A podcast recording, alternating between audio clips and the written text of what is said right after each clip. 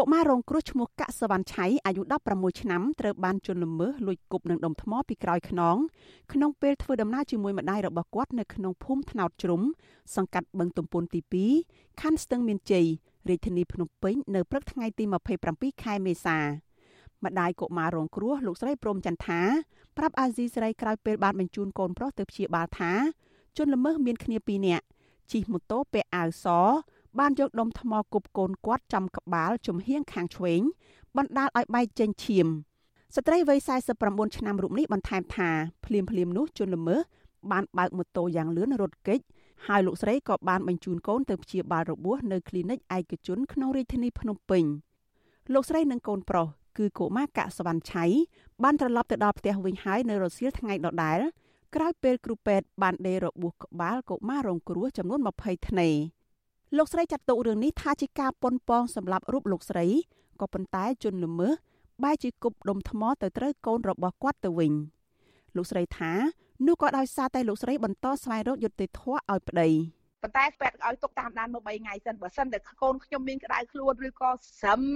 ឬក៏ឈឺក្បាលខ្លាំងឬក៏ក្អួតអាហ្នឹងគេឲ្យគាត់ទៅ scan មើលចា ខ្ញុំគិតថាបើស្រុកប្រទេសមានច្បាប់ពិតមែនបើគាត់ដឹកនាំល្អពិតមែនសូមចាត់វិធានការកុំធ្វើទង្វើអមនុស្សធម៌កុំធ្វើទង្វើគុំគួនគេអញ្ចឹងទៀតឲ្យគេចោះចូលគេមិនចោះចូលឲ្យគេរណបគេមិនរណបឲ្យគេបញ្ចេញមតិគេហាស្អីក៏ដោយធ្វើបាបគេអញ្ចឹងសួរថាដឹកនាំយ៉ាងម៉េចបានធ្វើទង្វើមកលើក្រុមគ្រួសារអ្នកនយោបាយបែបហ្នឹងហើយ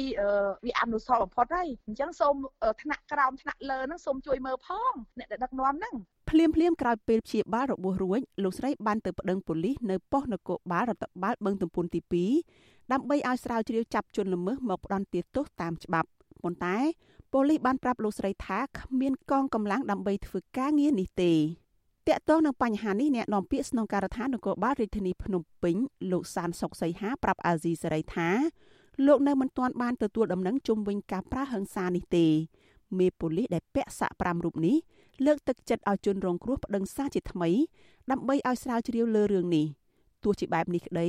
លោកមិនជឿថារឿងនេះគឺជាការប៉ុនប៉ងសម្លាប់ដោយសារតែពាក់ព័ន្ធនឹងរឿងនយោបាយនោះឡើយ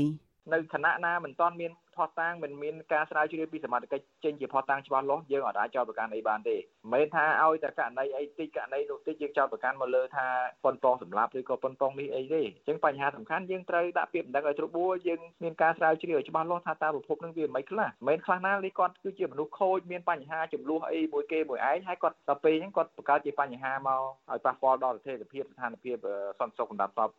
សង្គមវិញ កុមារាកសវណ្ណឆៃអាយុ16ឆ្នាំរៀនថ្នាក់ទី9គឺជាកូនប្រុសរបស់សមាជិកក្រុមប្រឹក្សាជាប់ឆ្នោតរាជធានីភ្នំពេញនៃគណៈបកសង្គ្រោះជាតិគឺលោកកកកុម្ភាដែលត្រូវតុលាការចាប់ខ្លួនកាលពីថ្ងៃទី31ខែឧសភាឆ្នាំ2020ហើយបច្ចុប្បន្ននេះលោកកំពុងជាប់ឃុំនៅពន្ធនាគារព្រៃសរ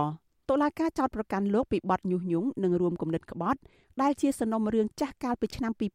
2019កន្លងមកកុមារអាយុ16ឆ្នាំរូបនេះ ត្រូវប៉ូលីសចាប់ឃុំខ្លួននៅប៉ុស្តិ៍នគរបាលចាក់អង្រៃលើខណ្ឌមានជ័យម្ដងរួចមកហើយពាក់ព័ន្ធនឹងរឿងលួចចូលទៅយកទុំគណៈបកសង្គ្រោះជាតិនៅទីស្នាក់ការកណ្ដាលគណៈបកនេះ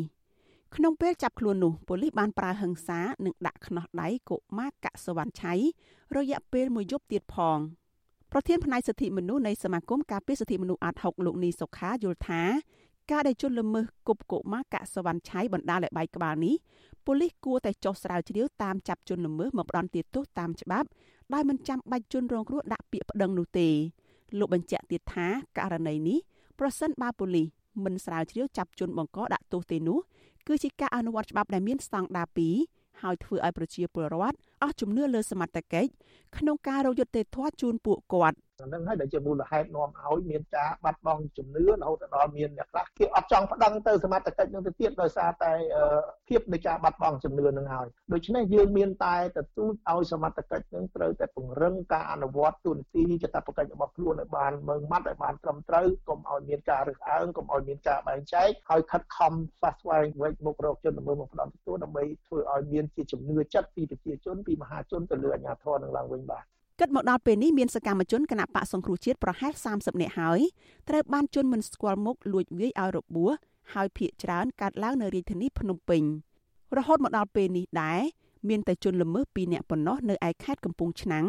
ដែលត្រូវអាជ្ញាធរចាប់ខ្លួនផ្ដន់ទាទោសក្រៅពីនោះគ្មានជនប្រព្រឹត្តណាត្រូវបានអាជ្ញាធររកឃើញឬក៏ចាប់ខ្លួនឲ្យមកទទួលទោសនោះទេករណីអំពើហិង្សាលើមន្ត្រីគណៈបកសង្គ្រោះជាតិច្រើនមានលក្ខណៈប្រហាក់ប្រហែលគ្នា គឺជនដៃដល់ជិះម៉ូតូពាក់មួកសុវត្ថិភាពលួចវាយជនរងគ្រោះពីក្រោយខ្នងដោយប្រើដំបងដែកវាយសម្ដៅក្បាលរបស់ជនរងគ្រោះកន្លងទៅអង្គការសម្ព័ន្ធភាពការពារសិទ្ធិមនុស្សកម្ពុជា បានចេញសេចក្តីថ្លែងការណ៍មួយដោយចាត់ទុកថាអំពើហិង្សាកើតឡើងញឹកញាប់នេះធ្វើឲ្យអង្គការសង្គមស៊ីវិលជឿថាសកម្មជនបកប្រឆាំងទាំងនេះបានក្លាយជាគោលដៅនៃការវាយប្រហារដោយសារតែទស្សនៈនយោបាយរបស់ពួកគេ កន្លងមកលោកស្រីព្រំចន្ទថាបានចូលរួមជាមួយនឹងក្រុមស្ត្រីប្រពន្ធសកម្មជនគណបកប្រឆាំង